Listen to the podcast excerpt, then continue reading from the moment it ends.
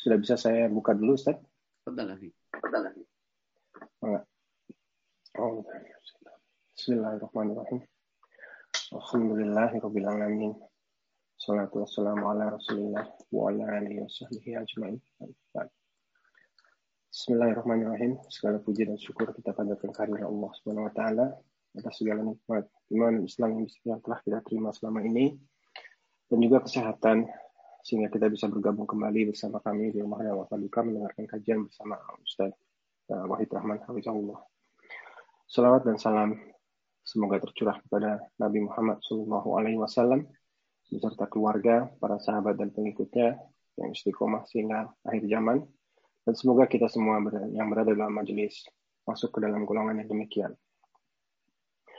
Baik sahabat-sahabat sekalian dan saudara saudara Islam dimanapun berada, Ustadz Wahid Rahman Hafizahullah Ta'ala, guru kita yang kami hormati, dan kami cintai. Assalamualaikum warahmatullahi wabarakatuh. Waalaikumsalam. Alhamdulillah, kita bertemu kembali di kajian akhir pekan yang diselenggarakan oleh Rumah Dakwah Paduka di Inggris.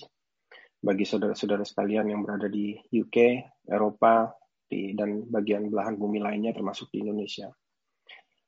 Eh, ini uh, Materi kali ini adalah lanjutan dari materi sebelumnya, yaitu eh, apakah dosa kita bisa dimaafkan.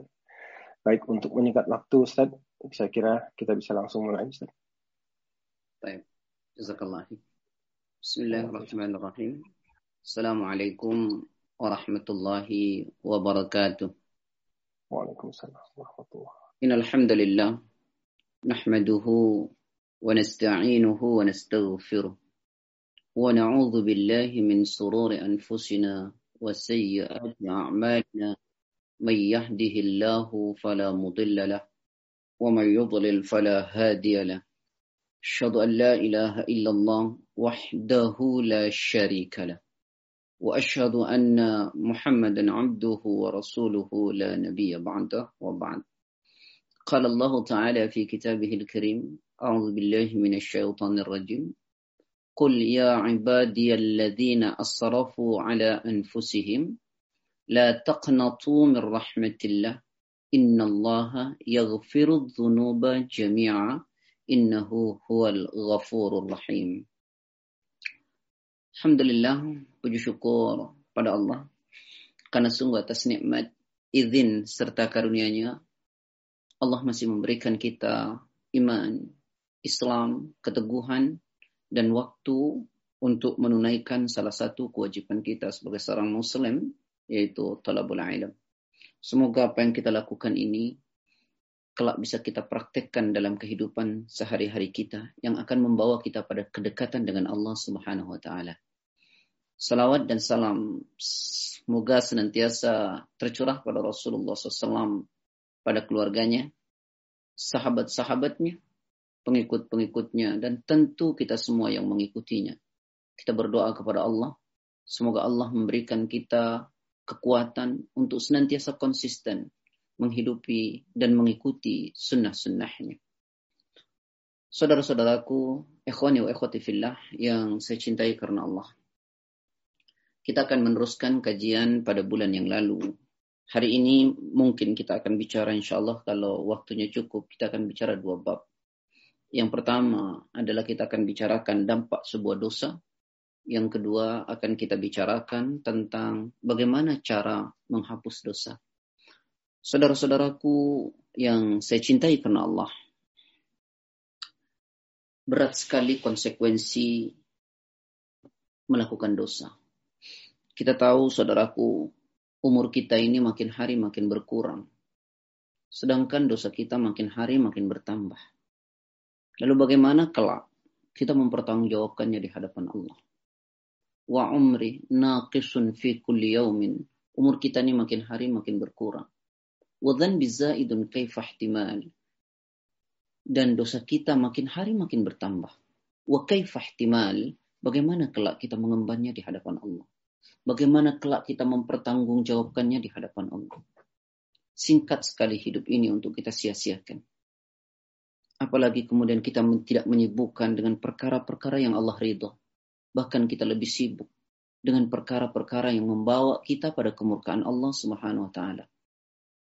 Bahkan jangankan perkara dosa, perkara sia-sia saja, mestinya kita menghindari sekuat tenaga.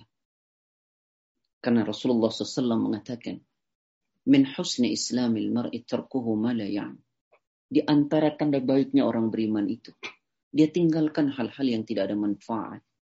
Dia tinggalkan hal-hal yang tidak ada gunanya. Seluruh waktu bagi kita hendaknya produktif, penuh dengan kebaikan. Terlalu singkat hidup ini untuk kita abaikan. Terlalu singkat hidup ini untuk kita abaikan. Tapi kadang seringkali menjadikan kita lalai karena persoalan dunia dan hawa nafsu kita. Iqtaraba nasi hisabuhum wahum fi ghaflatin mu'ridun. Al-Quran, surat 21 ayat yang pertama, surat Al-Anbiya. Sungguh telah makin dekat bagi manusia, hari mempertanggungjawabkan aman.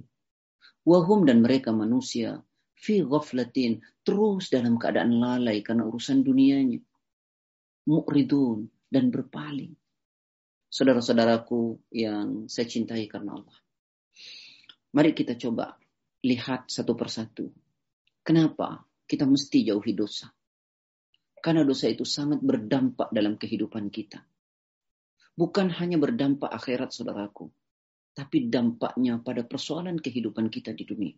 Saya ulangi, dampak kita melakukan dosa dan kemaksiatan bukan hanya berdampak di dunia ini, di akhirat saja, tapi juga berdampak bagi kita di dunia ini. Tentu kalau kita dampaknya di akhirat kita sudah tahu. ومن يعص الله ورسوله فإن له نار جهنم خالدا خالدين فيها أبدا Kata Allah, dan barang siapa yang mendurhakai Allah dan Rasulnya, maka sesungguhnya baginya lah neraka Jahannam Mereka kekal di dalamnya selama-lamanya. Tentu kita tidak ingin mendapatkan ini di akhirat. Nah, saudara-saudaraku, di awal Anda sudah sampaikan awal mula dosa itu hanya tiga. Awal mula. Lalu kemudian berkembang menjadi sangat luar biasa. Apa itu? Awal mula dosa yang pertama adalah kesombongan. Yang ditunjukkan oleh iblis. Ini awal sekali. Dosa yang paling tua. Yaitu kesombongan yang ditunjukkan oleh iblis. Bagaimana ketika Allah memerintahkan untuk sujud kepada Adam, maka dilakukan oleh malaikat. Tapi iblis tidak mau dengan mengatakan, aku diciptakan dari api, sedangkan Adam dari tanah. Secara kasta aku lebih baik. Ini adalah dosa awal, kesombongan. Dan ingat saudaraku, kesombongan ini menjadi satu hal penghalang besar buat kita untuk mendapatkan surganya Allah. Rasulullah SAW mengingatkan, لا يدخل الجنة من كان في قلبه مثقال ذرة من كبر وقال الرجل إن الرجل يحب أن يكون ثوبه حسنا ونأله حسنة فقال إن الله جميل يحب الجمال الكبر بطر الحق وغمت الناس تأمس masuk كذا نبي Nabi. Orang yang dalam hatinya ada kesombongan, walau sebiji ذرة walau sebiji sekecil apapun itu. Begitu takutnya sahabat bertanya kepada Rasulullah. Wa qala rajul inna rajula yuhibbu an yakuna thawbuhu hasanat wa na'luhu hasanatan faqal inna Allah jamil yuhibbul jamal ya Rasulullah bagaimana ya Rasul kalau ada senang berpakaian bagus senang alasan bagus apakah itu termasuk kesombongan Rasul mengatakan Allah indah dan Allah mencintai keindahan. Tapi ingat kata Rasul, sombong itu akan menutupi orang dari kebenaran. Karena sombong diri kita, kebenaran tidak nampak dari diri kita.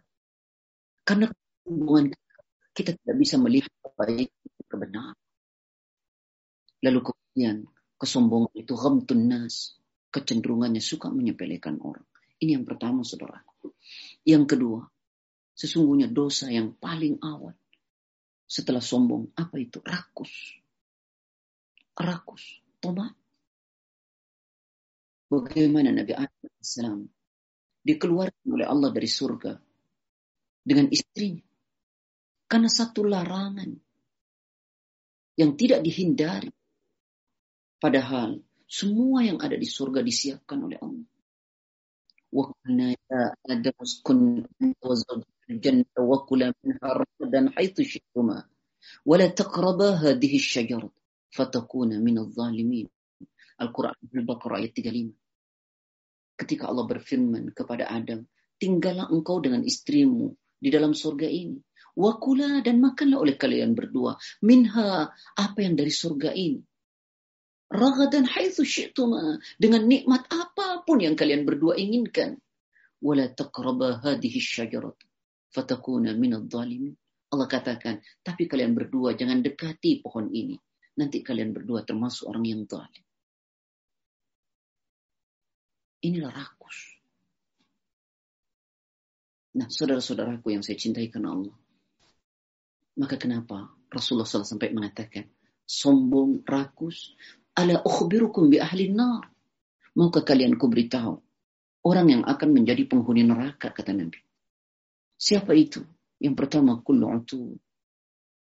Jawad. Yang pertama adalah utul orang yang kejam. Yang kedua siapa? Orang yang rakus. Yang ketiga adalah orang yang sombong. Saudara-saudaraku, yang ketiga, dosa apa itu? Dosa hasad. Dosa hasad. Anak Nabi Adam alaihissalam membunuh saudaranya karena apa? Karena hasad. Karena iri. Qabil membunuh Habil karena iri. Al-hasadu ya'kulul hasanat kama ta'kulun nar al-khatam. Iri itu akan memakan kebaikan-kebaikan yang kita lakukan. Seperti api memakan kayu bakar. Begitu mudahnya hasad itu merusak segala kebaikan yang kita lakukan. Coba kita tanya saudaraku. Kita seringkali menilai orang dengan berkata, sombong betul orang itu, pamer betul orang itu. Coba tanya sama diri kita, apakah orang itu yang pamer? Apakah orang itu yang sombong? Atau jangan-jangan hati kita yang penuh dengan penyakit hasad? Renungkan. Saya ingin tidak merenung diri saya dan kita semua. Kita mudah sekali menilai orang. Orang itu sombong, Orang itu angkuh, orang itu pamer, orang begini, begini, begini. Tanya, apakah orang itu yang pamer? Apakah orang itu yang sombong? Atau jangan-jangan hati kita yang punya penyakit hasad, yang punya penyakit iri. Saudaraku yang saya cintai karena Allah. Ada ungkapan seorang ulama yang sangat luar biasa namanya Ibrahim bin Idham.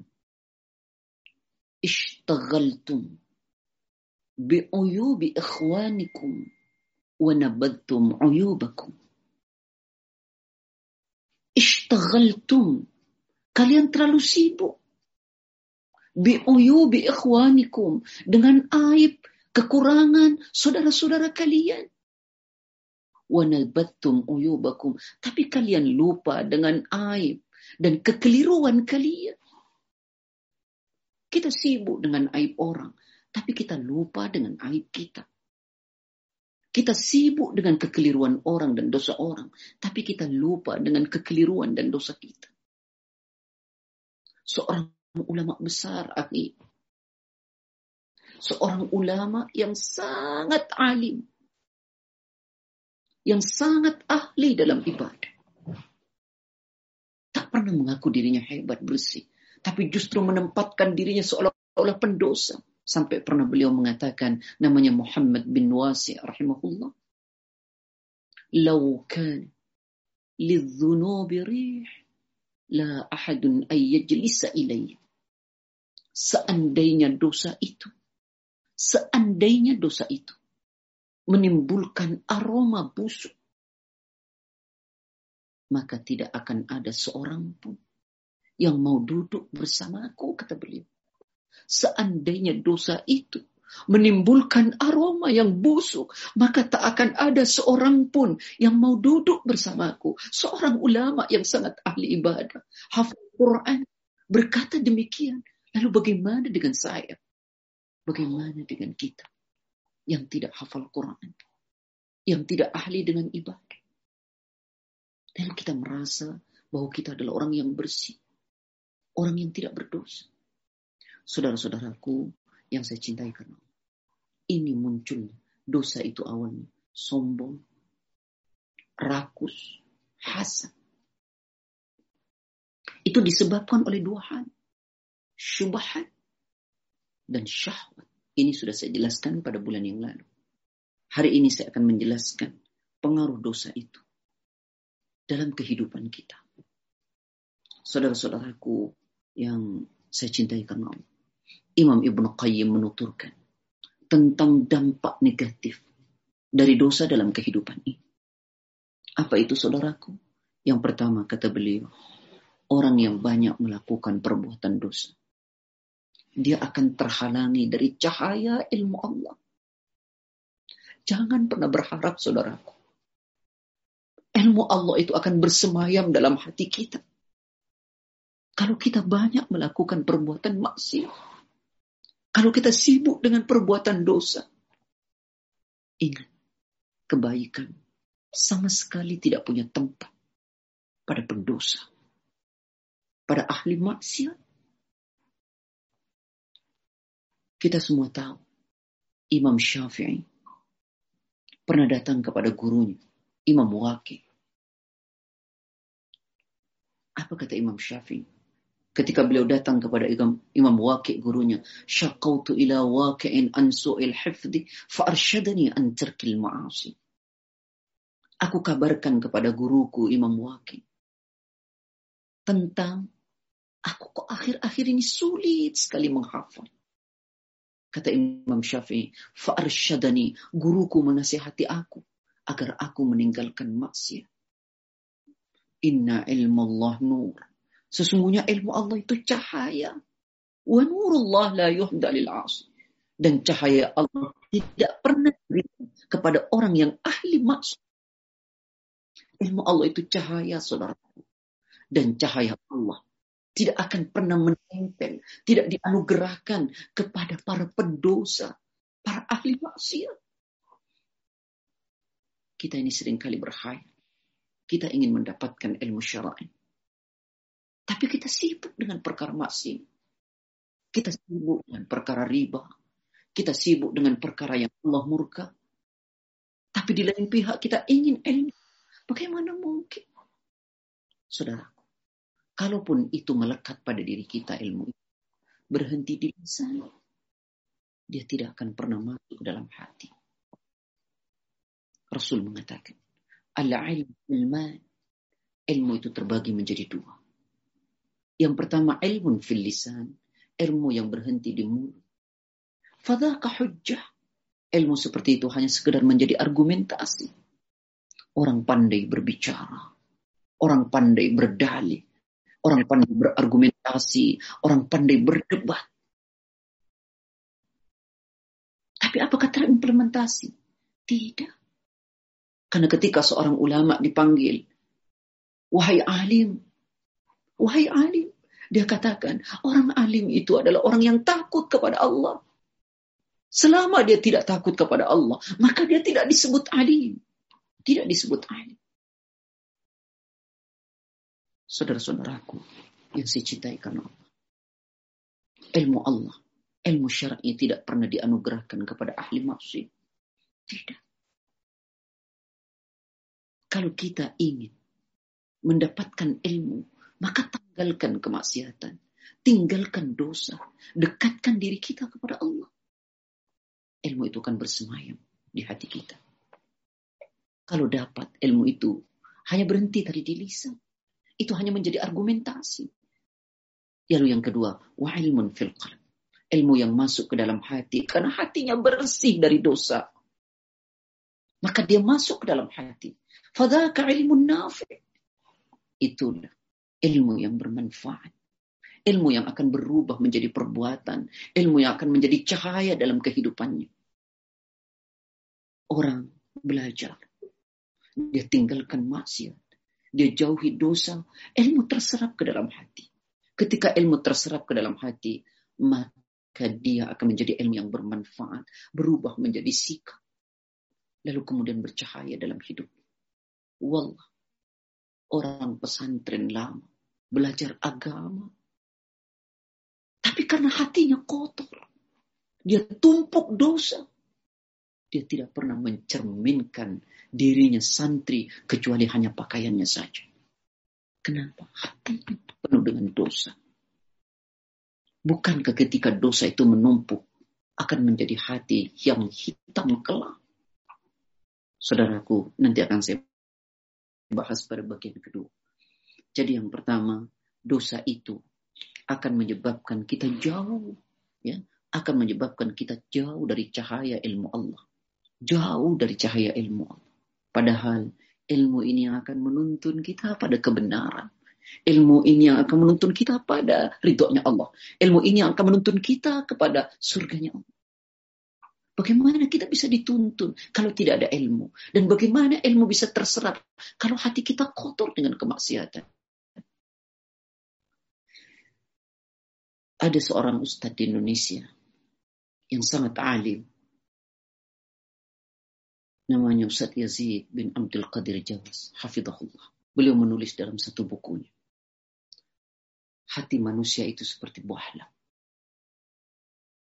Kalau kacanya bersih, maka keluar cahayanya. Tapi kalau kacanya kotor, maka cahaya tidak akan memantul. Begitulah manusia. Kotor hatinya, tak akan memantul kebaikan. Bersih hatinya, maka cahaya kebaikan akan terus mantul dari dirinya. Saudara-saudaraku yang saya cintai karena Allah. Yang kedua, orang yang banyak dosa. Orang yang banyak melakukan perbuatan dosa. Yang kedua, akan membuat pelakunya selalu gelisah, tidak tenang, risau. Wallahi saudaraku, hanya nampaknya para pendosa itu bahagia. Hanya kelihatannya para pendosa itu bahagia. Jauh di dalam hatinya tidak ada ketenangan, tidak ada ketenangan, tidak ada kenikmatan, tidak ada kebahagiaan hakiki. Karena kebahagiaan hakiki itu dengan apa kita dapati? Dengan iman. Dengan dikir kepada Allah. Quran surat 13 ayat 28. Alladzina amanu wa tatma'innu qulubuhum bi Ala bi dzikrillah tatma'innul qulub. Orang-orang yang beriman hatinya tenang. Dengan apa? Dengan mengingat Allah. Menyandarkan dirinya kepada Allah. Dia selalu teringat dengan Allah. Ketenangan, kedamaian akan dia dapati. Tapi lihat, orang-orang yang penuh dengan dosa. Tidak akan ada ketenangan. Kegelisahan terus-menerus. Kalau dia nampak bahagia, hanya tampak di luarnya saja. Hatinya keropos. Seorang sahabat bernama Nawas bin Samain bertanya kepada Rasulullah, Hadis ini banyak sekali. Salah satunya ditulis oleh Imam Nawawi dalam kitab Riyadhus Salihin pada bab Husnul Khuluq, hadis nomor 624. Sa'altu Rasulullah sallallahu alaihi wasallam. Kata sahabat Nawas bin Sam'an, aku bertanya kepada Rasulullah sallallahu anil birri wal ismi tentang kebaikan dan tentang dosa. Qala Rasulullah SAW menjawab, apa kata Rasul? Al-birru husnul khuluq. Kebaikan itu adalah akhlak yang baik, etika, moral, ada. Sebelum saya teruskan, saudaraku, jangan abaikan adab. Jangan abaikan akhlak. Jangan abaikan etika. Ternyata ketika seorang sahabat bertanya kepada Rasulullah tentang kebaikan, Rasulullah menjawab, kebaikan itu adalah akhlak adalah akhlak. Baik, bukan ini kajian kita, tapi pertanyaan yang kedua tentang dosa. Ketika sahabat Nawas bin Sam'an bertanya kepada Rasulullah, "Anil birri wal ismi." Ya Rasulullah, apa itu dosa ya Rasul? Kala Nabi mengatakan, "Mahaka fi nafsika wa karihta ayyattali alaihi nas." Dosa itu saudaraku, sesuatu yang membuat hatimu gelisah tidak tenang, tidak ada kebahagiaan. Demi Allah, hadis itu benar. Ayat itu benar. Tidak ada pendosa itu bahagia. Tidak ada pendosa itu tenang. Tidak ada. Maka kita juga belajar bertanya pada diri kita. Saat kita mulai hilang rasa tenang kita, kebahagiaan mulai hilang. Tanya, jangan-jangan saya banyak melakukan dosa. Jangan-jangan saya telah menumpuk kekeliruan. Tanyakan pada diri kita. Saudara-saudaraku yang saya cintai karena Allah. Jadi dampak dosa dalam kehidupan ini. Yang pertama, menjadikan pelakunya gelisah. Menjadikan pelakunya tidak ada ketenangan. Tidak ada kebahagiaan.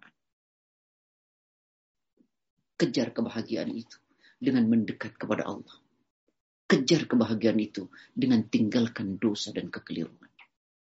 Maka kebahagiaan akan kita raih. Tentu kebahagiaan hakiki. Bukan hanya kebahagiaan dunia. Ya, akhi, saudaraku.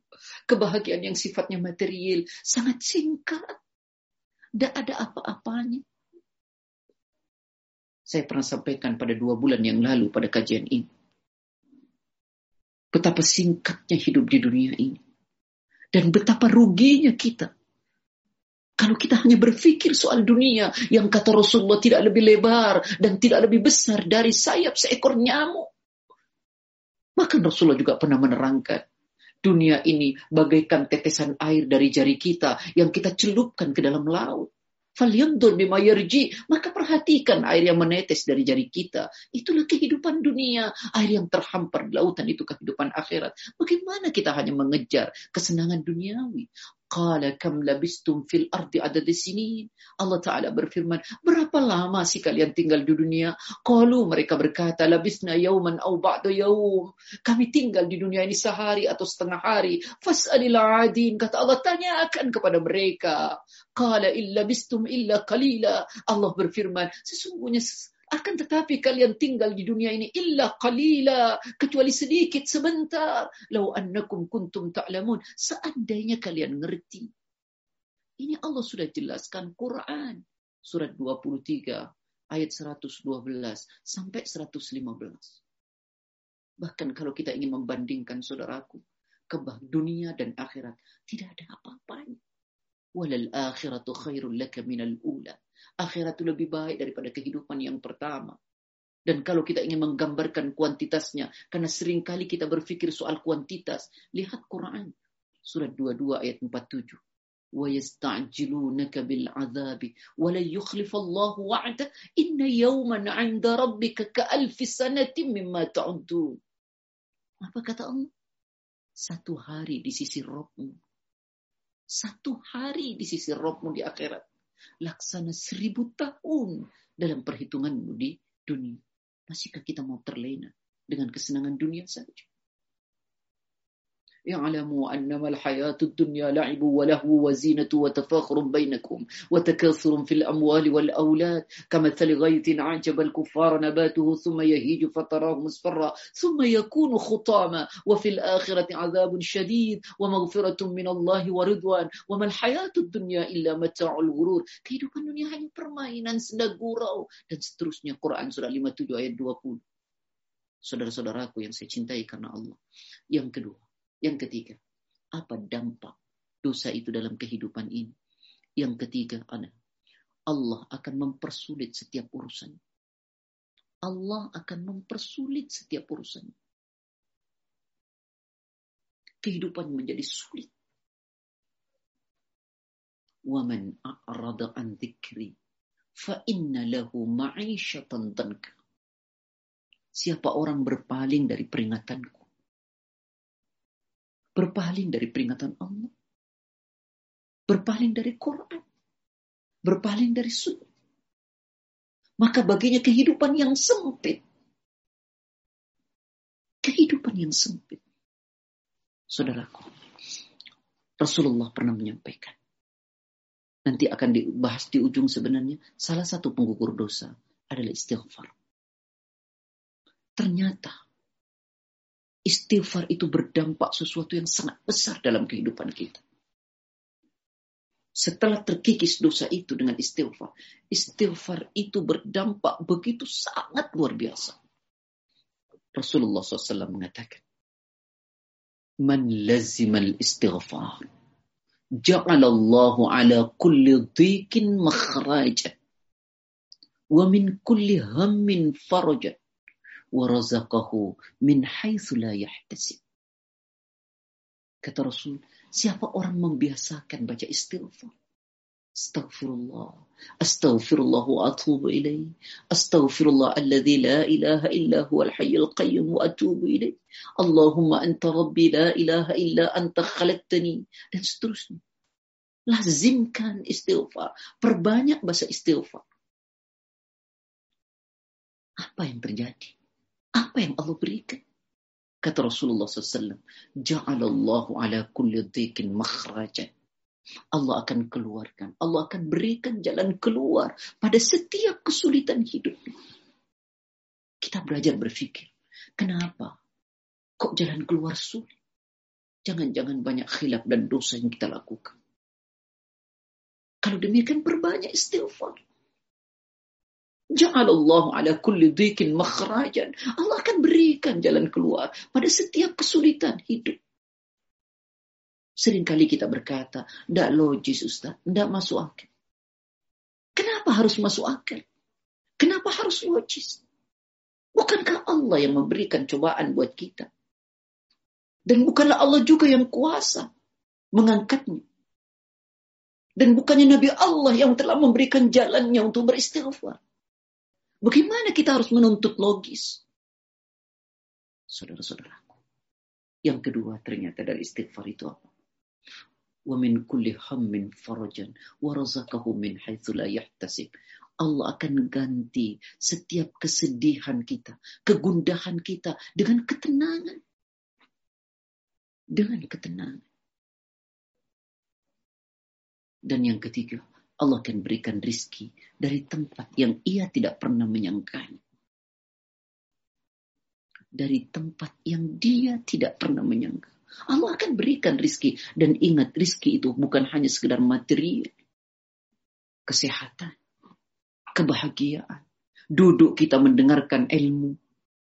Datang kita ke masjid. Menangis kita di hadapan Allah. Itu adalah bagian rizki yang Allah berikan. Yang mungkin banyak di antara kita menangis atas dosa saja kita tidak bisa. Lihat. Padahal satu orang dari tujuh orang yang kelak mendapatkan lindungan langsung dari Allah Subhanahu wa taala adalah warajulun dzakarallaha khalian fafadat aina seseorang yang mengingat Allah di saat sunyi seraya dia meneteskan air matanya Seseorang yang mengingat Allah di saat sunyi seraya dia meneteskan air matanya. Bangun malam hari. Aduh kepada Allah. Ya Allah Rabbana zalamna anfusana wa illam taghfir lana wa tarhamna lanakunanna minal khasirin. Laksana Nabi Adam menangis di hadapan Allah. Ya Allah setumpuk dosa ya Allah kulakukan. Kalau engkau tak maafkan aku, aku akan rugi ya Allah. Dunia dan akhiratku akan rugi ya Rabb.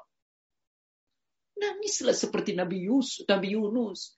La ilaha illa anta subhanaka inni kuntu minadh zalimin. Tidak ada ilah kecuali engkau ya Allah. Subhanaka maha suci engkau ya Allah. Ini kuntu minal zalimin. Sungguhnya aku ini pendosa ya Allah. Banyak sekali dosa yang kulakukan. Ikhwani wa ikhwati fillah. Orang yang banyak melakukan dosa akan sangat sulit dalam hidupnya. Sulit sekali. Seperti tertutup segala keran-keran jalan. Yang keempat, apa dampak dosa dalam kehidupan ini? Kemaksiatan itu akan menghilangkan keberkahan umur dan melenyapkan kebaikan. Kemaksiatan itu akan menghilangkan keberkahan umur kita saudaraku. Kita seringkali uang sedikit dan uang banyak. Uang yang banyak, kita dapat gaji besar, kadang-kadang tanggal 15 sudah selesai. Tapi uang yang tidak banyak, dia berkah. Sampai tanggal 30 tidak selesai uang itu tidak habis. Dan karena rizki itu membawa juga kita pada kedekatan dengan Allah. Inilah keberkahan. Nah, sementara dosa yang kita lakukan menyebabkan umur kita tidak berkah. Usia kita tidak berkah. Usia panjang yang Allah berikan penuh dengan kemaksiatan. Untuk apa? Ada orang yang usianya pendek, penuh dengan kebaikan tentu kita meminta usia yang panjang dan penuh kebaikan.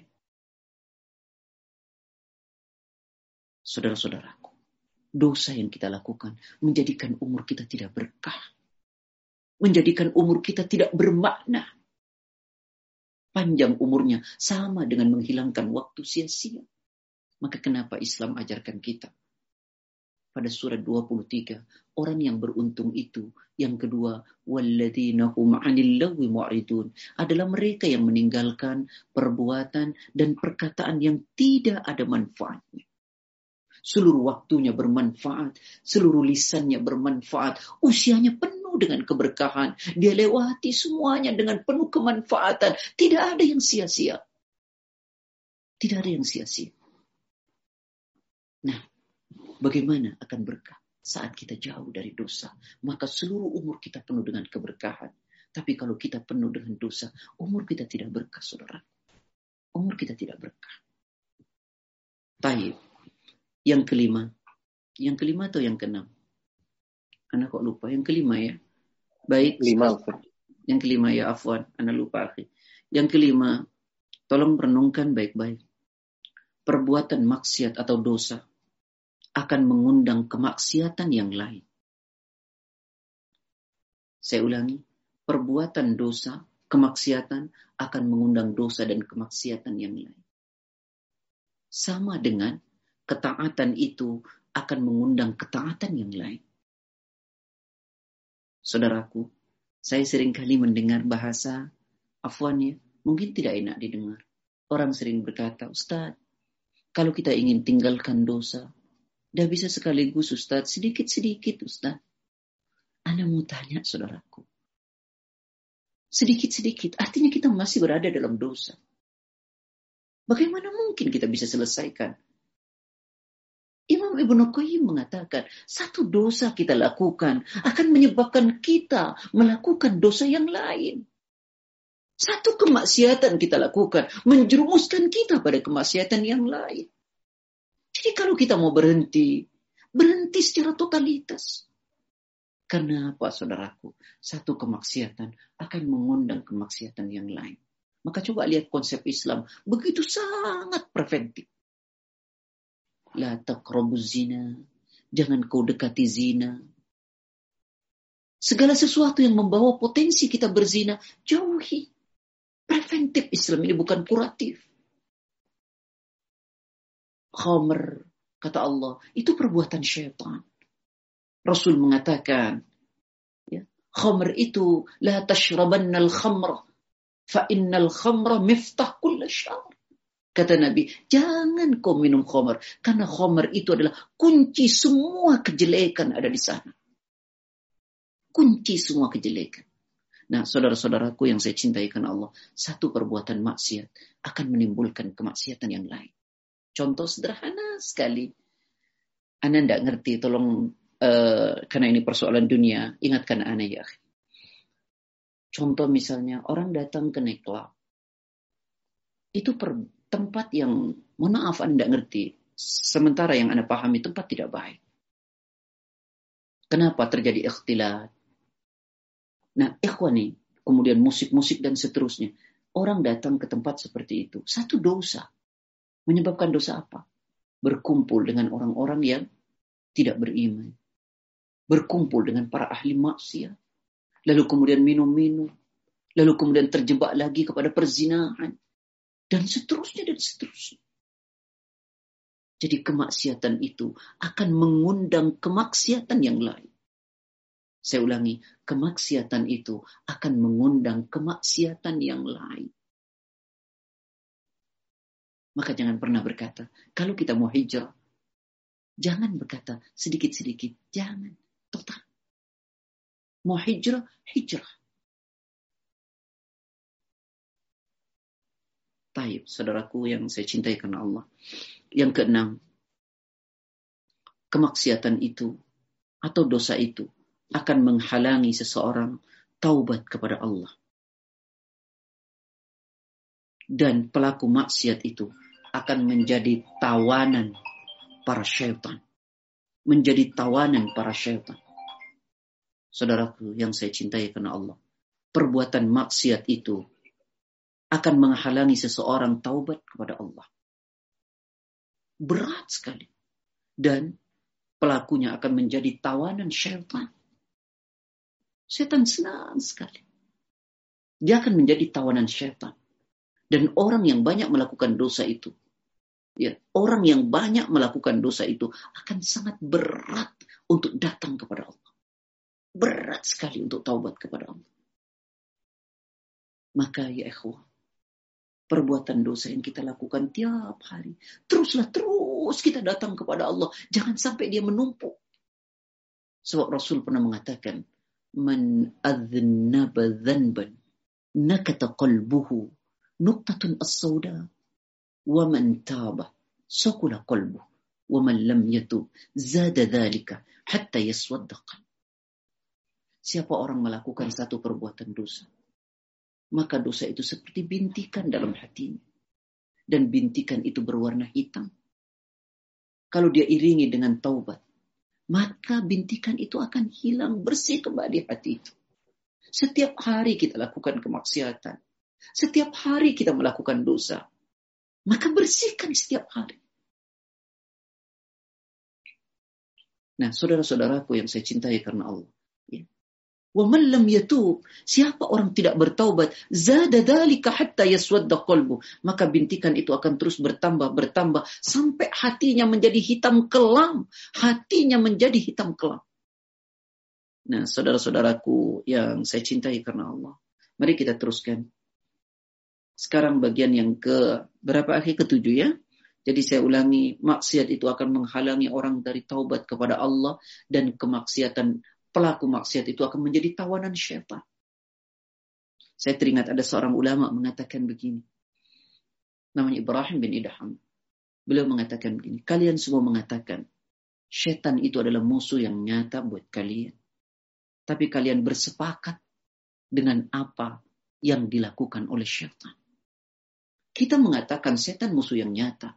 Tapi kita bersepakat dengan apa yang diinginkan oleh setan. Lalu bagaimana kita mengatakan setan itu musuh? Tapi kita bersepakat dengan apa yang diinginkan oleh setan? Kemaksiatan, pelaku maksiat, itu akan menjadi tawanan setan Selama-lamanya. Nah, saudaraku yang ketujuh. Perhatikan. Kemaksiatan yang dilakukan berulang-ulang akan menjadikan pelakunya tidak lagi merasa kalau itu adalah kemaksiatan. Saya ulangi, kemaksiatan yang dilakukan berulang-ulang, maka pelakunya tidak akan pernah merasakan lagi kalau itu adalah sebuah kemaksiatan. Benarlah, seorang sahabat mengatakan, dulu kami menganggapnya di zaman Nabi adalah sesuatu yang akan membinasakan diri kami. Tapi satu zaman, orang menganggapnya itu perkara biasa. Maka kenapa ada seorang ulama menulis buku yang sangat luar biasa. Kalau Anda terjemahkan, perkara dosa dianggap biasa. Perkara dosa dianggap biasa. Kalau kita mau contoh, mohon maaf, berjabatan tangan dengan bukan mahram bepergian, keluar tanpa mahram, lalu kemudian reunian ikhtilat, terjadi campur baurnya laki dan perempuan. Nah ini saudaraku, perkara dosa terus menerus dilakukan akan menjadikan pelakunya merasa itu adalah perkara biasa dan bukan lagi perkara dosa. Bayangkan betapa hinanya kita Ketika perkara dosa itu kita anggap biasa. Ketika perkara dosa kita anggap biasa. Padahal sahabat mengatakan, dosa itu adalah sesuatu yang membinasakan diri kami. Tapi kita menganggapnya biasa. Karena sudah terbiasa melakukan dosa. Saudara-saudaraku, kemudian yang selanjutnya. Akibat buruk dari dosa akan berdampak pada orang lain, pada makhluk yang lain, termasuk binatang dan tumbuh-tumbuhan. Saya ulangi, saudara-saudaraku, akibat buruk kemaksiatan akan berdampak bukan hanya pada dirinya, tapi pada orang lain, pada binatang, pada apa lagi? Kemudian kepada tumbuh-tumbuhan. Coba lihat, ada satu hadis. Walaupun hadis ini bab niat, dalam kitab Riyadhus Salihin dituturkan oleh Aisyah radhiyallahu anha.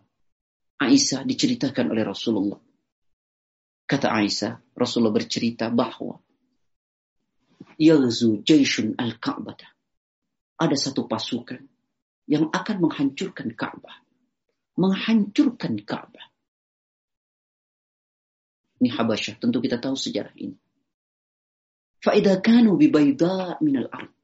Ketika mereka sudah berada di sebuah tanah yang lapang, tanah yang sangat lapang pasukan itu, yuhsafu bi awalihim wa akhirhim. Allah benamkan, Allah hancurkan dari ujung depan sampai ujung belakang. Aisyah bertanya kepada Rasulullah. Kultu, kata Aisyah. Kaifa yuhsafu bi awalihim wa akhirihim? Bagaimana semua dibenamkan, dihancurkan oleh Allah dari ujung depan sampai ujung belakang. Wafihim aswakuhum.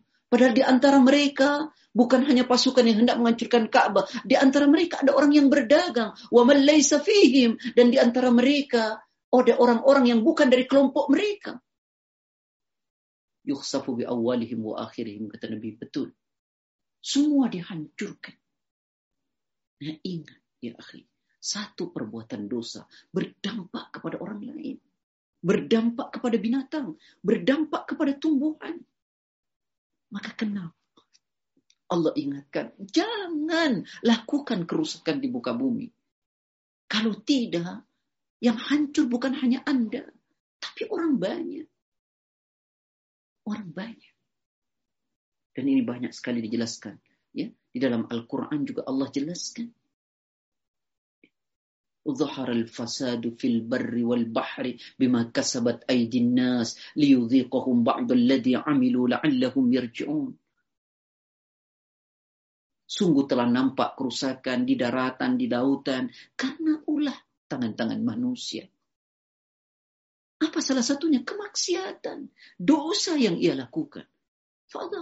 Maka Allah rasakan kepada mereka akibat dari perbuatan mereka.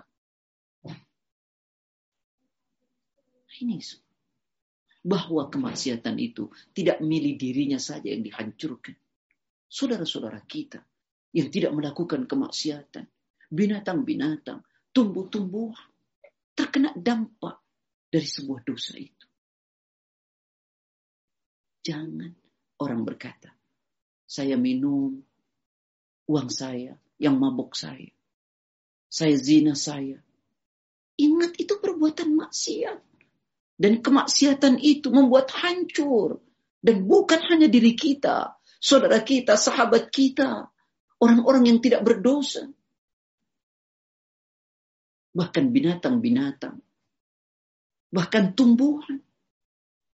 Makanya saudaraku, kita mesti care terhadap lingkungan kita. Kalau ada ketidakbaikan, hendaklah kita merubahnya. Kalau kita mampu, kalau tidak, nasihati dengan cara yang baik. Kalau tidak, kita doakan. Kita doakan. Nah, ini terus kita lakukan, saudara-saudaraku. Ya, dosa itu, ya, dampaknya bukan hanya pada pelakunya, tapi pada orang lain, pada tumbuhan, pada binatang. Kemudian, saudaraku, selanjutnya, perbuatan dosa itu akan melahirkan kehinaan perbuatan dosa itu akan melahirkan kehinaan bagi para pelakunya. Tidak ada, saudaraku, orang yang melakukan dosa itu menjadi mulia. Tidak ada orang melakukan dosa menjadi agung. Tidak ada. Pelaku dosa itu mesti hina. Mesti hina. Kemuliaanmu diraih dengan apa? Kemuliaan itu hanya bisa diraih dengan iman dengan iman yang benar. Coba lihat, renungkan dalam Al-Quran pada surat 8. Surat Al-Anfal ayat 2 sampai 4 ketika Allah menjelaskan tentang indikator orang-orang beriman innamal mu'minuna alladhina idza dzukirallahu wajilat qulubuhum wa idza tuliyat alaihim ayatuhu zadatuhum imana wa ala rabbihim yatawakkalun ulaika alladhina yuqimuna as-salata wa mimma razaqnahum yunfikun ulaika humul mu'minuna haqqan lahum darajatun 'inda rabbihim wa maghfiratu wa rizqun karim Sesungguhnya orang beriman itu yang jika disebut nama Allah bergetar hatinya. Kenapa hati itu berfungsi? Karena hatinya bersih. Yang kedua, ya, jika dibacakan ayat Allah, iman bertambah. Dan kepada Allah diserahkan diri. Dan yang mendirikan salat. Dan menafkahkan sebagian rizkinya. Itulah orang-orang yang betul-betul beriman, kata Allah. Lalu apa yang didapati?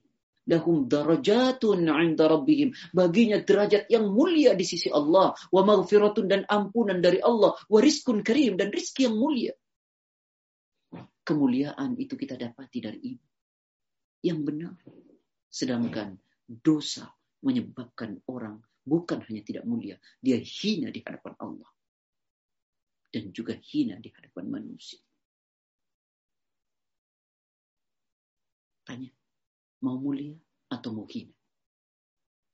Kemudian saudara-saudaraku yang saya cintai karena Allah, kemudian yang selanjutnya, dosa dan kemaksiatan itu akan menutup mata hati, menyebabkan kerasnya hati. Dan pelakunya dianggap adalah orang-orang yang lalai. Ingat, dosa menyebabkan dosa menyebabkan matinya hati. Coba renungkan satu hadis. Redaksi hadis ini banyak berbeda. Saya bacakan satu redaksi. Tu'radul fitan, tu'radul fitan, alal kulubi, ka'abdil hasil, udan udan. Kata Rasulullah SAW, tu'radul fitan alal kulubi, ka'abdil hasiri, udan udan. Fitnah atau dosa itu masuk ke dalam hati manusia kair dilhasir Seperti dianyamnya tikar. Odan, odan. Apa maksudnya odan, odan? Sehelai demi sehelai. Sehelai demi sehelai. Jadi dosa, fitnah masuk ke dalam hati manusia itu seperti dianyamnya tikar. Odan, odan, sehelai demi sehelai. Tidak ada dosa itu masuk sekaligus. Satu, satu, satu, satu, terus fa'ayyu qalbin asyrabaha nakatat fihi nuktatun sauda. Kata Nabi, hati mana saja yang menerima masuknya fitnah dan dosa itu ke dalam dirinya, maka hati itu akan menjadi hitam. Wa ayyu qalbin ankaraha nakatat fihi nuktatun bayda dan hati mana saja yang tidak mau menerima kemaksiatan itu. Dia tidak mau menerima masuknya fitnah kemaksiatan itu ke dalam hatinya, maka hati akan putih bercahaya. Kata Nabi, hatta ta'ud al-qulub ala qalbaini. Sampai hati itu terbagi menjadi dua. Hati yang hitam dan hati yang putih. Bersih maksudnya. Kata Nabi, qalbi aswad hati yang hitam itu kata Nabi. Ya, perhatikan marba kalkuzi mujakhian. Maka dia hati yang sudah hitam itu Ya, ini dampak dari dosa akan menyebabkan hati hitam dan hati hitam itu kata Nabi kalkuzi mujahian maka dia laksana gayung terbalik. Gayung megrafa apa namanya? Uh, ya gayung ya. Gayung terbalik. Akhi, Coba antum renungkan. Gayung terbalik bermanfaat dia menciduk air? Tidak. Gayung terbalik bisa menampung air? Tidak. Hati yang seharusnya bisa menampung kebaikan tidak bisa menampung kebaikan. Tidak bisa menyerap kebaikan. Padahal seluruh sikap kita ditentukan oleh hati kita. Bagaimana Rasul mengatakan, "Ala inna fil jasad mudghah, salahat salahat salahal jasadu kullu wa idha fasadat fasadal jasadu kullu ala wahiyal qalb." Tahukah kalian, dalam tubuh kalian ada segumpal daging. Kalau segumpal daging itu baik, baik seluruh tubuh kalian. Kalau segumpal daging itu rusak, rusak seluruh tubuh kalian. Apakah itu hati? Sentral kebaikan itu ada di hati. Bagaimana hati kalau kotor dengan kemaksiatan dan dosa? Maka rusak. Maka benarlah dikatakan bahwa saudara-saudaraku, kemaksiatan itu akan menutup hati kita. Afalam yasiru fil ardi fatakuna lahum قلوب يأكلون biha أو آذان يسمعون بها فإنها لا تعمى الأبصار ولكن تعمى القلوب التي في الصدور Tidakkah kalian berjalan di muka bumi? Lihat kata Quran. Surat 22 ayat 46. Yang mereka punya akal dengan akalnya berfikir. Bukan orang bodoh. Mereka punya telinga dengan telinganya mendengar. Bukan tidak pernah mendengarkan nasihat bukan tidak pernah mendengarkan tausiah. Tapi kata Allah, sungguh yang buta itu bukan matanya, tapi yang buta hati yang tersimpan di dalam dadanya. Bahkan mengerti Quran sekaligus. Kalau hatinya mati, kebenaran tidak akan keluar. Nah, itu disebabkan dosa. Dia seperti gayung yang terbalik. Dan lihat akibat yang kedua apa? Kata Rasulullah SAW, ya kalau hatinya sudah hitam la ya'rifu ma'rufan la ya'rifu ma'rufan orang tidak bisa lagi mengenal kebaikan hati kalau sudah hitam tak lagi bisa mengenal kebaikan kebaikan justru dianggap kemungkaran kebaikan dibenci kebaikan tidak lagi dianggap sebuah kebaikan yang ketiga apa wala yungkir mungkaran. Dan orang kalau sudah hatinya kotor, dia bukan hanya tidak bisa mendengar, bukan hanya eh, eh, eh, mohon maaf, bukan hanya seperti gayung terbalik, bukan hanya tidak mengenal kebaikan, bukan hanya tidak bisa menolak kemungkaran. Jadi orang yang hatinya kotor sulit bisa menolak kemungkaran. Dia selalu bersepakat dengan kemungkaran. Yang ketiga apa? Illa ma min hawa. Orang kalau hatinya sudah hitam kotor, hanya mengikuti hawa nafsunya saja. Hanya mengikuti hawa nafsunya saja. Lalu kemudian saudara-saudaraku yang saya cintai karena Allah. Selanjutnya adalah kemaksiatan itu mendatangkan laknat Rasul, laknat Allah. Ya, ini saya kira tidak perlu Anda jelaskan ya. Kemudian kemaksiatan itu akan menghalangi doa malaikat. Ya, tidak sampai kepada kita ya, dan seterusnya dan seterusnya ya ikhwah ya ini dampak dari sebuah kemaksiatan ya saya tidak lama-lama di sini sebab uh, kita masih akan berbicara tentang uh, apa masihkah dosa kita bisa dimaafkan baik sekarang saya sudah jelaskan tentang dampak-dampaknya dosa tentu kita ngeri kita takut dengan dampak-dampak dosa itu Sangat takut. Bagaimana kalau kita terlanjur sudah melakukan dosa, Ustaz? Masihkah dia terkikis? Baik, dalam hal ini saya ingin sampaikan, mudah-mudahan ini bermanfaat, saudaraku. Saya sering bilang, dosa kita mungkin sebanyak buih di lautan. Tapi ampunan Allah jauh lebih besar dari itu. Jauh lebih besar dari itu. Maka dengan apa dia harus dihapuskan dosa itu? Yang pertama, saudaraku, renungkan baik-baik. Ada sebenarnya empat samudra penggugur dosa. Ya, nanti dijelaskan satu persatu. Ya. Lalu dikembangkan. Yang pertama adalah samudra taubat. Yang kedua, samudra istighfar. Yang ketiga, ya, samudra amal saleh. Dan yang keempat, samudra ujian dan cobaan. Empat samudra ini sebagai penggugur dan pengikis dosa-dosa yang telah kita lakukan. Baik, mari kita bicarakan jauh lebih rinci. Yang pertama, saudara-saudaraku, masihkah saya bisa dimaafkan oleh Allah? Awal sekali Anda sampaikan, orang baik, bukan orang yang tidak pernah berbuat dosa. Saya ingat ini pertanyaan Pak Rashid ya waktu itu ya. Orang baik bukanlah orang yang tidak pernah berbuat dosa. Tapi orang baik itu orang yang sadar kalau dia pernah berbuat dosa. Karena mencari orang tidak berdosa tidak ada. Nabi Adam saja pernah bersalah.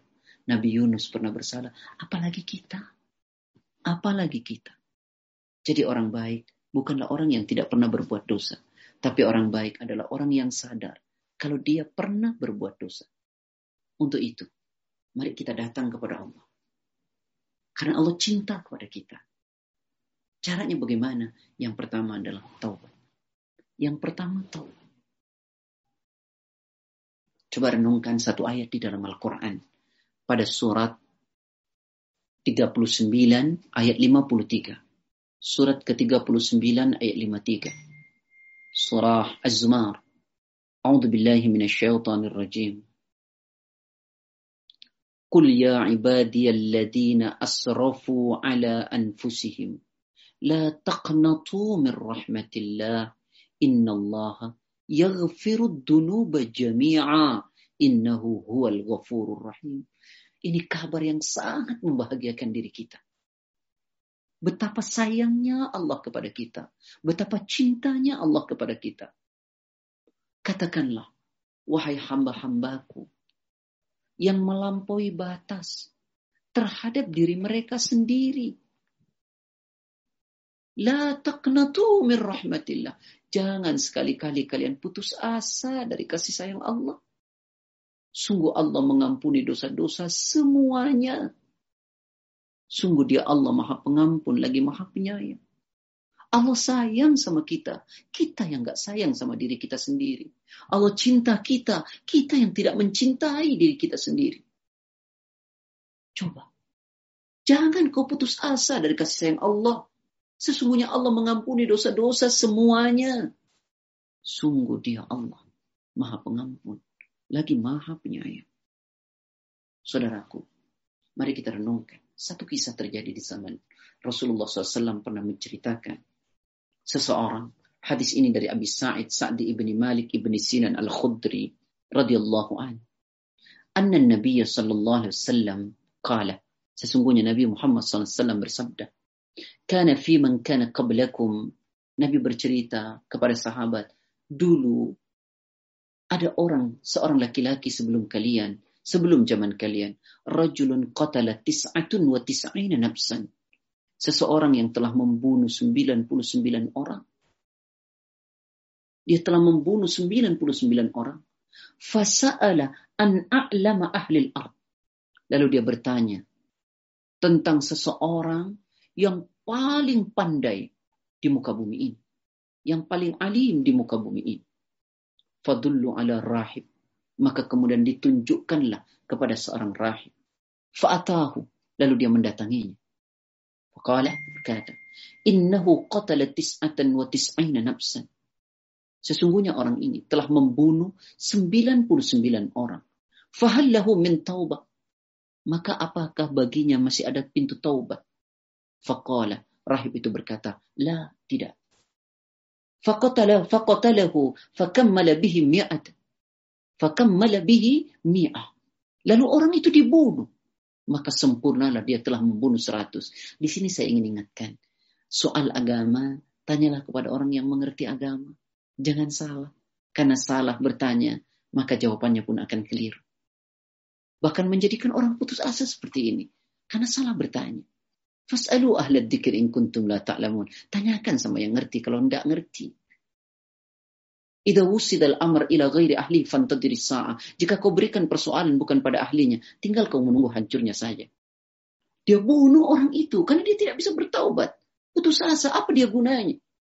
Lalu kemudian summa sa'ala an a'lama ahli al-ard. Kemudian dia bertanya lagi tentang ya orang yang paling mengerti di muka bumi ini.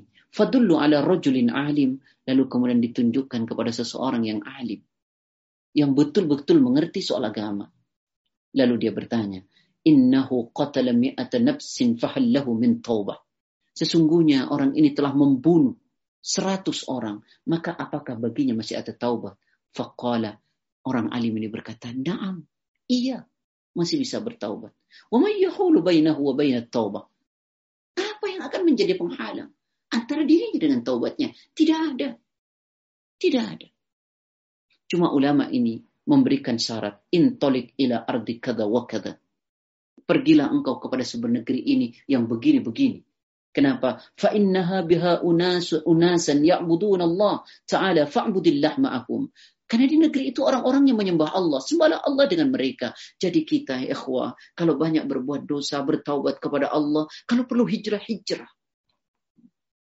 Kalau tahu tempat ini tempat ahli maksiat, pergilah. Nah, sebagaimana ulama ini mengatakan, orang alim ini mengatakan, ya, pergilah engkau ke negeri ini. Fa inna biha unasan ya'budullah ta'ala fa'budillah ma'ahum.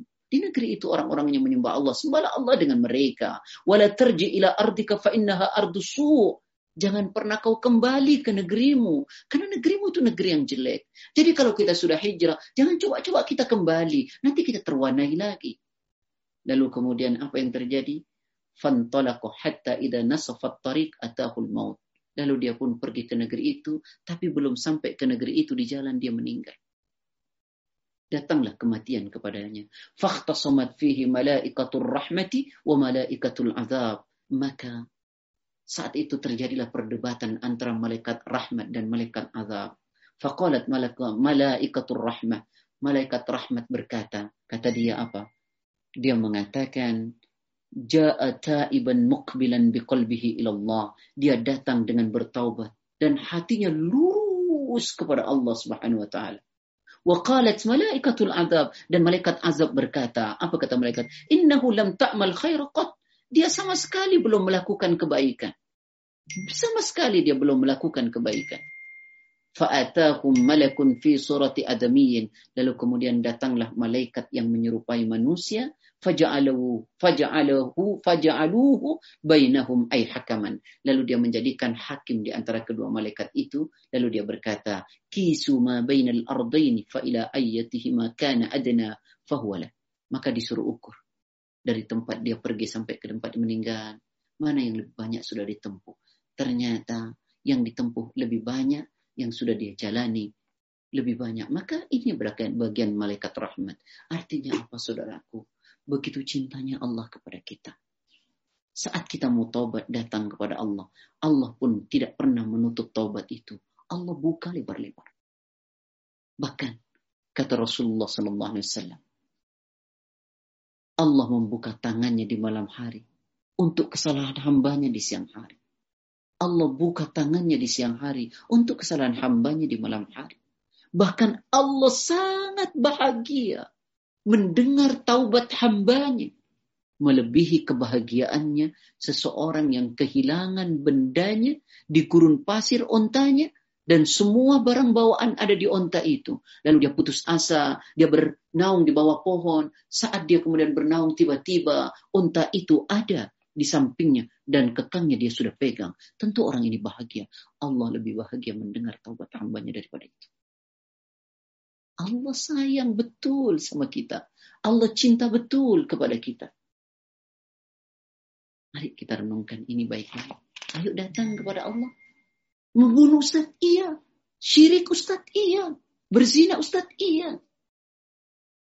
Coba renungkan satu ayat dalam Quran. Pada surat 25. ayat 68 sampai 70.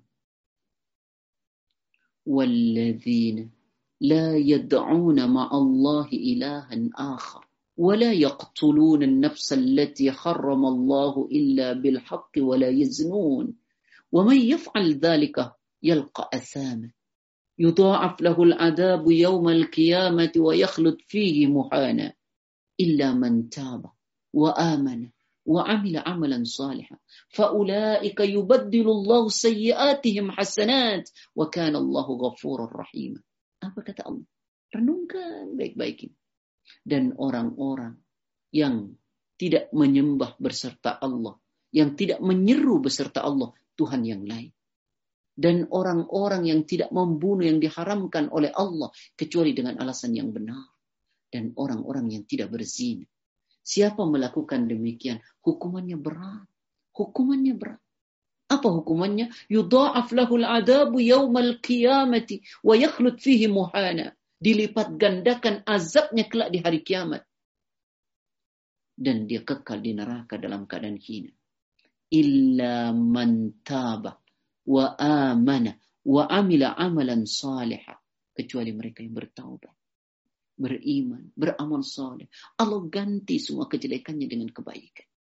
Dan adalah Allah maha pengampun lagi maha penyayang. Nah saudara-saudaraku yang saya cintai karena Allah. Jadi yang pertama, untuk menggugurkan dosa masa lalu yang kita lakukan, ayo kita datang kepada Allah. Bertaubat. Dan syarat taubat itu. Kalau dosa kita kepada Allah. Dosa kita kepada Allah. Hanya ada tiga. Kata ulama, Idza kanatil ma'siyah بين العبد وبين الله تعالى لا تتعلق بحق أدمي فلها ثلاثة شروط jika dosa itu antara manusia dengan Allah yang tidak ada kaitan dengan makhluk yang lain dengan manusia maksudnya maka syaratnya tiga yang pertama ayyuk lanil maksiat berhenti totalitas dari dosa itu tadi anda katakan di awal tidak bisa sedikit-sedikit berhenti totalitas yang kedua ayyan dama ala fi'liha menyesal karena telah melakukannya menyesal karena telah melakukannya kadang-kadang kita ini mengatakan sudah taubat tapi kita masih bangga dengan dosa yang kita lakukan dengan bercerita ke sana sini padahal Allah telah menutupi aib kita tapi kita membuka aib kita sendiri yang ketiga adalah Ayat zima Allah ya'uda ilaiha abadan bertekad untuk tidak mengulangi kembali kalau itu dosa kita kepada Allah. Tapi kalau dosa kita kepada manusia, maka hendaklah kalian membebaskan diri. Kalau kita mengambil hak orang, maka kembalikan. Kita bersalah, kita minta maaf. Nah, saudara-saudaraku yang dirahmati oleh Allah, ya, ini yang pertama, taubat. Lihat ada sebuah hadis kudsi. Ya, sanad hadis ini dari Anas bin Malik. Direwetkan oleh Imam Tirmidzi. Ini bentuk cinta Allah yang sangat luar biasa kepada kita. Apa kata Allah? Ya ibna Adam. Wahai anak Adam. Inna kama da'autani wa rajautani. Lastaghfiru laka ala ma kana minka wa ubali. Kata Allah. Wahai anak Adam. Wahai manusia. Selama engkau masih berharap kepada aku.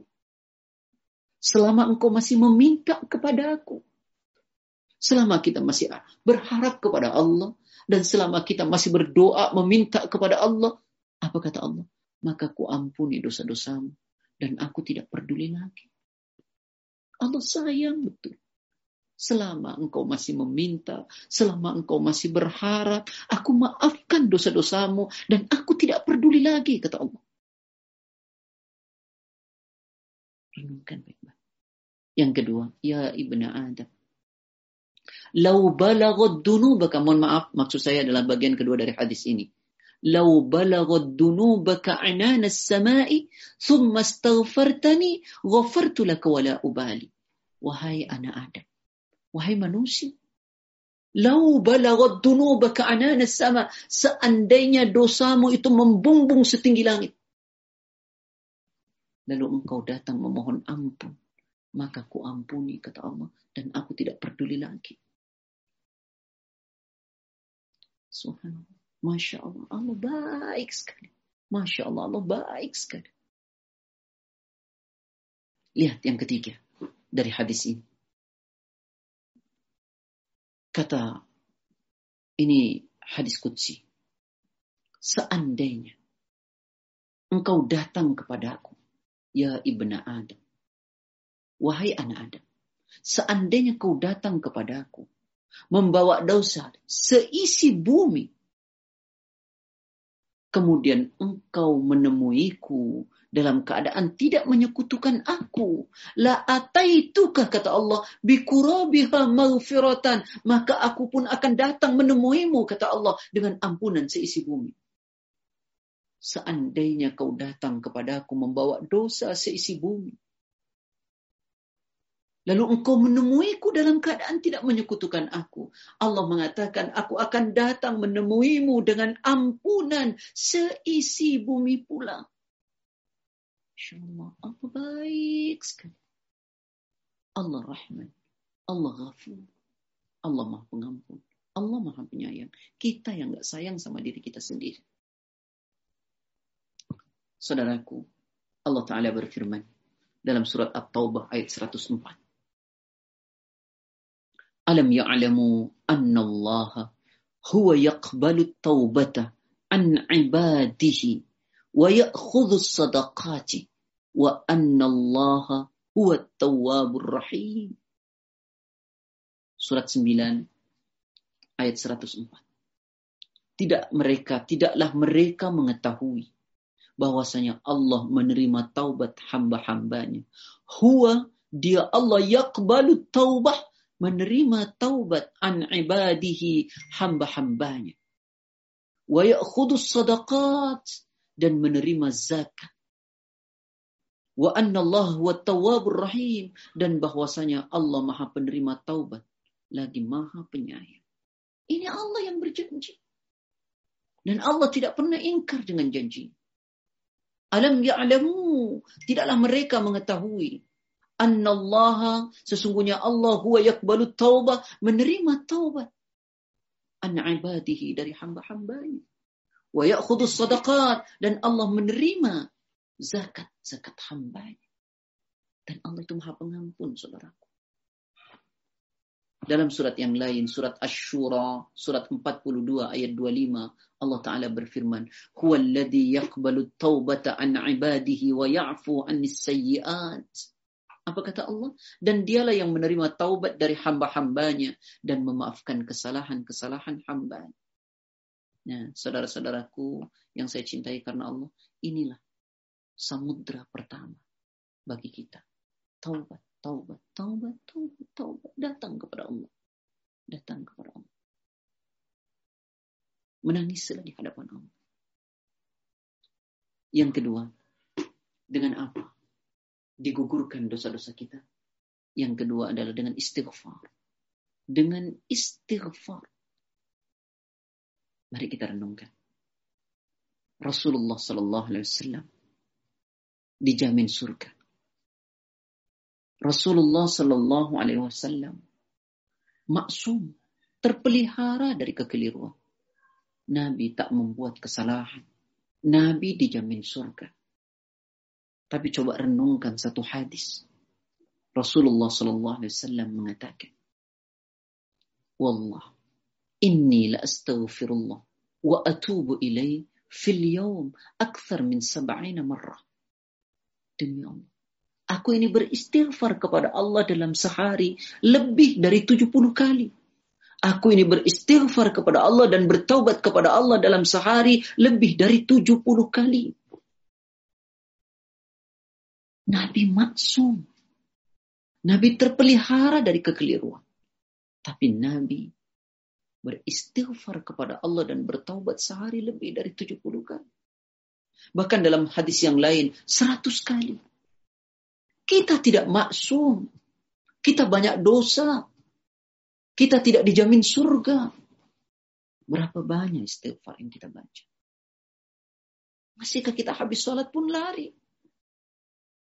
Itu sorofa min salati fastaghfirullah thalathan. Kalau lepas kau dari salat, setidaknya beristighfarlah tiga kali. Astaghfirullah, astaghfirullah, astaghfirullah. Allahumma antas salam wa minka salam tabarak ya dzal jalali wal ikram. Apa yang kita buru-buru? Nabi maksum. Nabi dijamin surga beristighfar lebih dari 70 kali. Ingat saudaraku, ada satu hadis.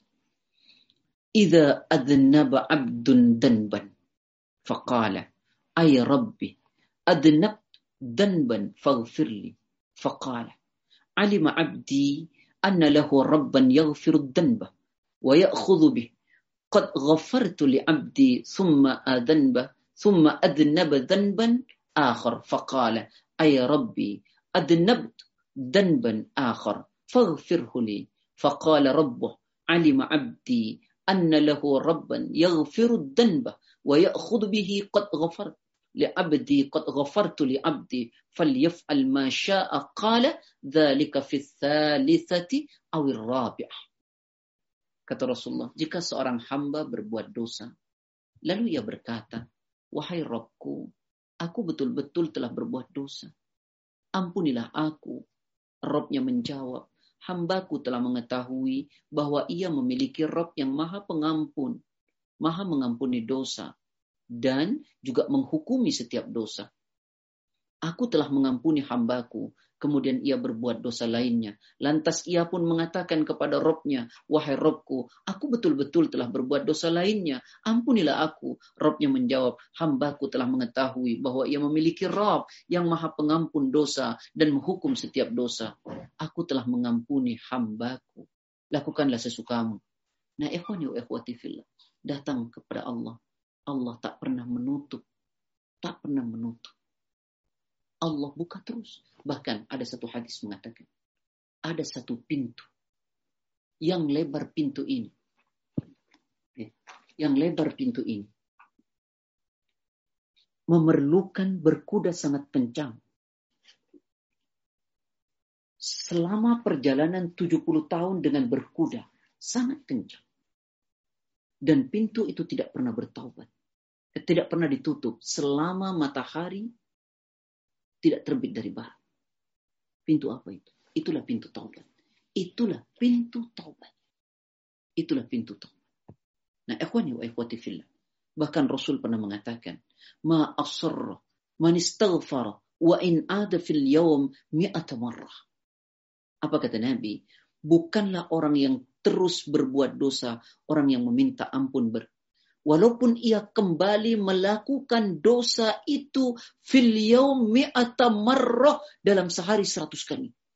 Datanglah, datanglah, datanglah, datanglah terus kepada Allah. Allah maafkan. Allah maafkan. Nah, perbanyaklah istighfar saudara-saudaraku. Karena ini adalah samudra yang akan mengampunkan dan akan menggugurkan dosa-dosa kita. Datanglah kepada Allah. Pak, sampai jam berapa ini? Sudah jam 9 lewat seperempat di sini, Pak. Baik. Um, terserah Ustaz, oh, terserah perkenan Ustaz. Kita bisa lanjutkan di lain waktu kalau misalnya oh, malam. Baik, uh, saya saya takut banyak nanti jemaah-jemaah karena begini kalau kita ngaji offline adabnya jelas kita mau keluar kita bisa izin. Nah, yang saya takut uh, azab di uh, apa adab di sini jadi hilang. Ya, jadi kadang-kadang kita live karena kita ngantuk, terus kemudian tidak ada izinnya. Nah, ini nanti malah adab kita jadi tidak baik karena adab itu menjadi sangat penting dalam Islam. Baik, wallahu a'lam. Fadal kalau ada pertanyaan. Baik. Alhamdulillah Rabbil Alamin Ustaz. Masya Allah ini sangat bermanfaat bagi kita malam ini terutama untuk saya. Um, kita sudah ada beberapa pertanyaan. Ini sebelum kita ke penanya langsung, Eh, saya bacakan pertanyaan yang uh, eh, titik pertanyaan. Uh, saya share screen. Bismillahirrahmanirrahim. Pak Ustadz Wahid Rahman Hafizahullah. Assalamualaikum warahmatullahi wabarakatuh. Terkait surat An-Nisa ayat 48, kita mengetahui bahwa dosa syirik adalah dosa yang sangat besar. Allah mengampuni dosa yang selain syirik, itu pun bagi siapa yang Allah kehendaki. Apabila kita sudah bertobat dari dosa syirik, apakah Allah tetap tidak akan mengampuni dosa-dosa kita? Jazakallah khairan Pak Ustaz. Ya yang antum tanya surat 4 ayat 48. Allah Ta'ala berfirman, Inna Allah la yaghfiru an yushraka bihi wa yaghfiru ma duna dhalika li yasha wa man yushrik billahi faqad iftara man adima. Ada ayat yang sama pada ayat surat yang sama ayat 116 ujungnya saja yang berbeda. Inna Allah la يغفر أن يشرك به ويغفر ما دون ذلك لمن يشاء ومن يشرك بالله فقد ضل ضلالا بعيدا Sungguh Allah tidak memaafkan dosa mensekutukan Allah bagi ya. Allah memaafkan dosa selain hal tersebut bagi yang dikehendaki. Siapa menyekutukan Allah, sungguh dia telah berada pada dosa yang sangat besar. Pada ayat 111-nya ujungnya, siapa menyekutukan Allah, dia sungguh telah tersesat dengan kesesatan yang sangat jauh. Ingat saudara, di situ Allah menggunakan kata la yang masuk ke dalam fi'il mudhari. La itu artinya tidak, tapi tidaknya tidak tidak tulus zaman, tidak long time, tapi temporary. Kalau kita datang kepada Allah, kita mohon ampun, kecuali dia menggunakan kata la. Kalau menggunakan kata masuk ke dalam film motor itu selama-lamanya tidak akan pernah. Dia menggunakan kata Artinya saat kita datang kepada Allah, Allah ampun. Nah saat Allah ampun, Allah ampuni. Kalau sirik saja bisa diampuni, apalagi yang lain, saudaraku. Datanglah kepada Allah, taubat dengan benar datang kepada Allah. Allah terima taubat kita. Bukan kalau tadi sudah berjanji, "Qul ya ibadialladzina asrafu 'ala anfusihim la taqnatu min rahmatillah, innallaha yaghfiru dzunuba jami'a innahu huwal ghafurur rahim." Katakanlah wahai hamba-hamba yang melampaui batas terhadap diri mereka sendiri, janganlah pernah kau putus asa dari kasih sayang Allah. Sungguh Allah mengampuni dosa-dosa semuanya. Satu, datang dengan taubat kepada Allah. Dua, beristighfar kepada Allah. Yang ketiga apa? Mohon maaf tanggung deh ya. Yang ketiga, ayo kita datang kepada Allah dengan apa? Dengan setumpu amalan-amalan kita. Nanti akan saya berikan contoh amalan-amalan itu yang bisa menguburkan dosa. Secara umum Rasulullah SAW mengatakan ditulis oleh Imam Nawawi dalam hadis Arba'in nomor 18 dari Abi Darjundu Ibnu Junada dan Abi Abdurrahman Mu'ad bin Jabal radhiyallahu anhu maqal qala Rasulullah SAW ittaqillah haitsuma kunta wa atbi'is sayyi'atal hasanata tamquha wa khalikin nas bi khuluqin hasanin. Apa kata Nabi bertakwalah engkau di mana saja kamu berada. Ya, lalu kemudian kata Rasulullah ikutilah perbuatan jelekmu dengan kebaikan karena kebaikan itu menghapus dosa. Kejelekan itu menghapus, eh, kebaikan itu menghapus dosa. Satu contoh yang sebentar lagi kan kita lakukan. Apa itu Ramadan? Nabi mengatakan man sama Ramadan iman wa ihtisaban ghufir lahu ma taqaddama min dambih. Siapa orang melaksanakan Ramadan dilandasi iman berharap pahala dari Allah, maka Allah ampuni dosa-dosanya yang lampau. Kata ulama, kata lampau itu tidak terbatas. Tidak terbatas. Lihat Rasulullah Sallallahu Alaihi Wasallam ketika naik ke atas mimbar Rasulullah dan Nabi Sallallahu Alaihi Wasallam ketika naik ke atas mimbar Rasulullah Rasulullah berkata Amin Amin Amin tiga kali amin.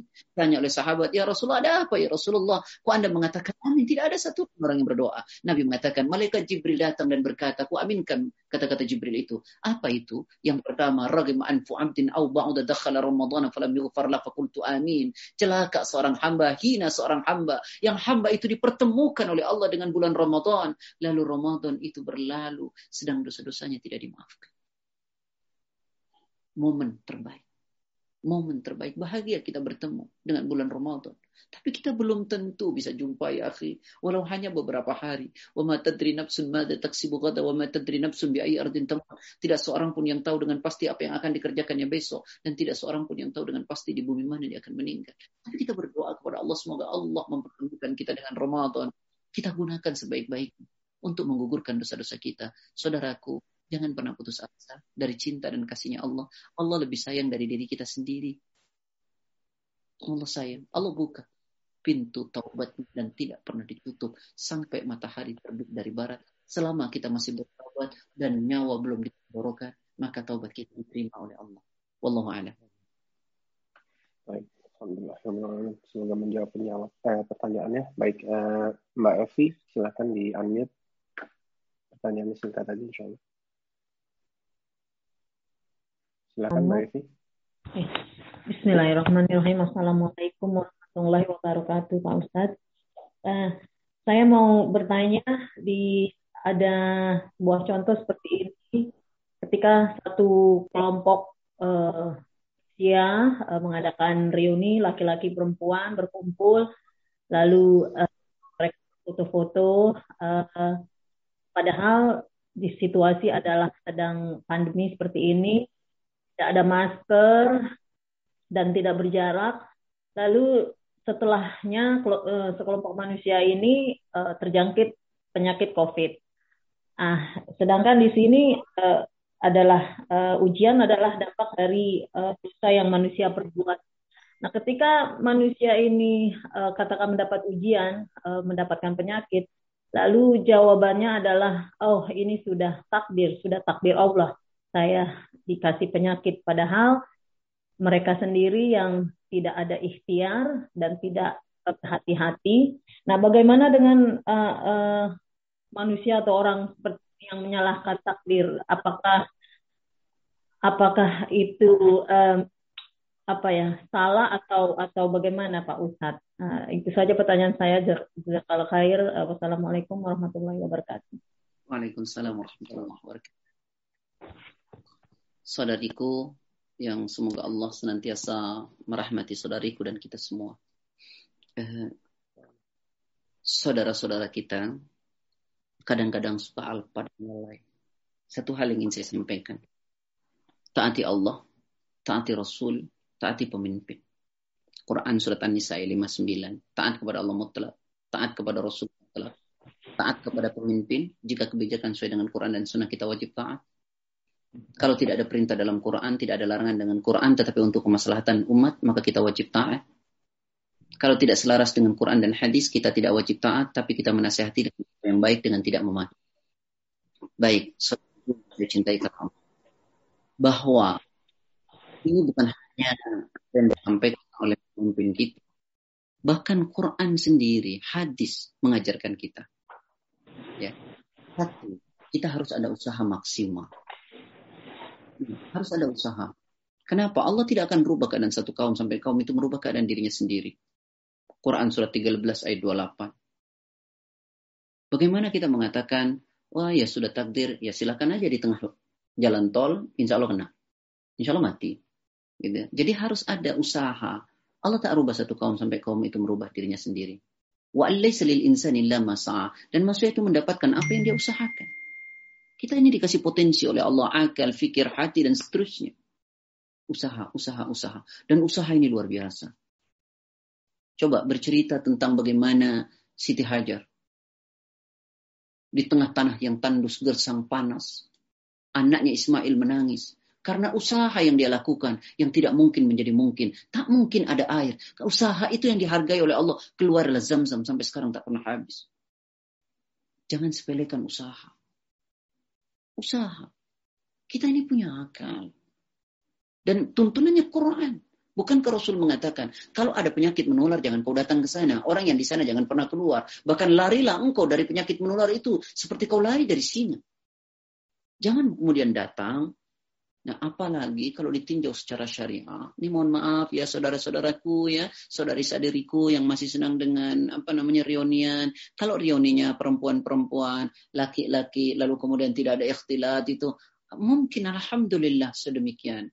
Ya, tapi kalau sudah campur baur, ini bagaimana secara syariat? Ingat saudaraku, ya apalagi di tengah kondisi seperti ini Anda tadi sampaikan kata Imam Ibn Qayyim dosa itu berdampak bukan hanya pada diri kita kepada orang lain dan seterusnya Ya, belum lagi ikhtilat. Kadang-kadang kalau sudah Riono itu lupa kalau kita sudah tua, seolah-olah masih umur SMA dan mahasiswa. Jadi tepok sana, tepok sini, ya Allah. Hati-hati, hati-hati. Bahkan ingat ya, nih seorang wanita bersuami membiarkan tangannya dipegang laki-laki, maka cukuplah suaminya alasan untuk mencerai, menceraikan. Cukuplah alasan bagi seorang suami untuk menceraikannya. Nah ini hati-hati. Baik saudariku, jadi usaha itu penting. Yang kedua, berdoa kepada Allah.